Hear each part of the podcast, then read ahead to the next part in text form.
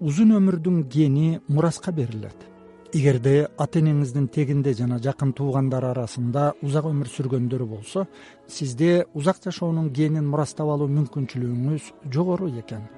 Муну голландиянын лейден университетинин докторанты нильс ван денберг башындагы илимий топ аныктады алар акшнын юта университетинин жана голландиянын зеландия провинциясынын маалымат базасын пайдаланып үч жүз он беш миңдей адамдын тегин талдап көрүшкөн. Мунун ичинде жыйырма миңден ашуун кишинин бир миң жети жүз кыркынчы жылдан берки тег жааты тууралуу маалымат да бар. Узун өмүрдүн геному узак жашагандардын он процентине туулганда кошо берилет окумуштуулар узун өмүр сүргөндөр деп эң узак жашагандардын жогорку он процентин алышкан. Изилдөө ата энелери жакын туугандары узак жашагандарда ата энелери анча узак жашабагандарга караганда өлүү этималдыгы отуз бир процент төмөн болоорун көрсөткөн. Береги топко кишинин ата энеси эмес жакын туугандары тайэке тайэжелери аталаш туугандары кирсе дагы анын эрте көз жумуу ыктымалдыгы төмөндөйт. Профессор элен слагбоом эгер жашы жүз жаштан өйдө курактагы кокус топтолгон адамдарды изилдесеңиз алардын көбү тукумдан тукумга узак жашаган адамдардан болбошу ыктымал дейт. Алар сергек жашоо менен өмүр сүргөнү же балалыгы жакшы жагдайда өткөнү үчүн жүз жаштын белин ашкан болушу мүмкүн. Ушундан улам слагбоумдун айтышынча узун өмүрдүн гени алардын днксында из калтырбайт экен өсүмдүктөр аарылардын үнүн угушат чөптөрдүн гүлдөрү өздөрүн көздөй келаткан бал аарылардын жана көпөлөктөрдүн үнүн угуп алардын көңүлүн өзүнө буруу үчүн кошумча жана мурдакыдан да ширин нектар бөлөт.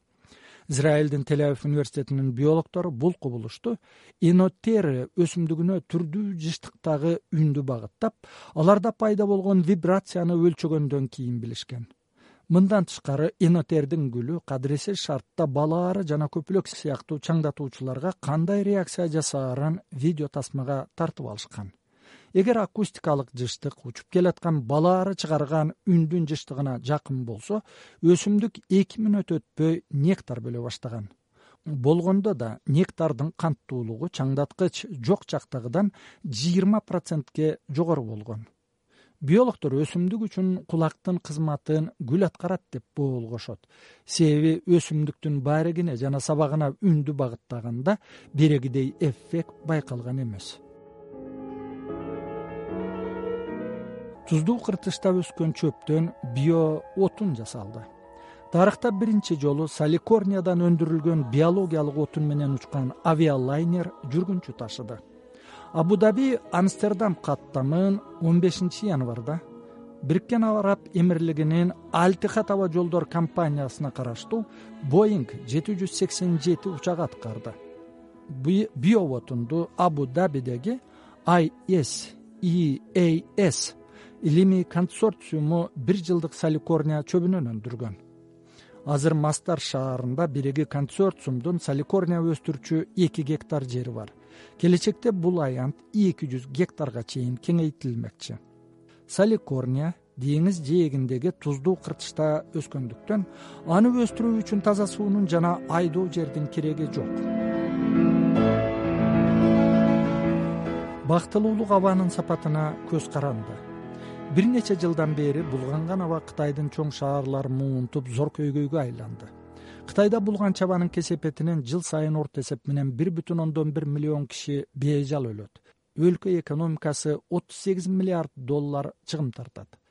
Булган чаба гонконг университетинин соңку изилдөөсү көрсөткөндөй шаар калкы арасында өзүн бактысыз сезгендердин көбөйүүсүнө да салым кошуусу ыктымал буга чейинки изилдөөлөр булган чаба ден соолукка кишинин түшүнүү жөндөмүнө эмгек өндүрүмдүүлүгүнө жана билим алуусуна зыян тийгизээрин көрсөткөн.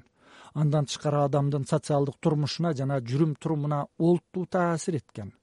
Окумуштуулар ошондуктан кытайдын аба өтө көп булганган бир жүз кырк төрт шаарындагы күнүмдүк жашоого булган чабанын кандай таасир эткенин кеңири аспекттен изилдеп көрүшкөн ал үчүн социалдык желелердеги реалдуу убактагы маалыматты пайдаланышкан. Атап айтканда эки миң он төртүнчү жылдын март ноябрь айларында микроблогдордун сина вейбо платформасы аркылуу жөнөтүлгөн эки жүз он миллион твитти анализдеп чыгышкан.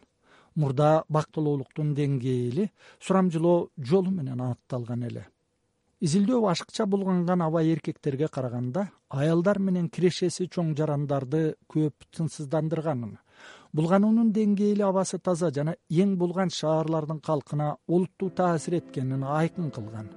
Анын себеби абанын сапаты жана ден соолугу жөнүндө көп тынчсызданган адамдар таза шаарларга көчүшөт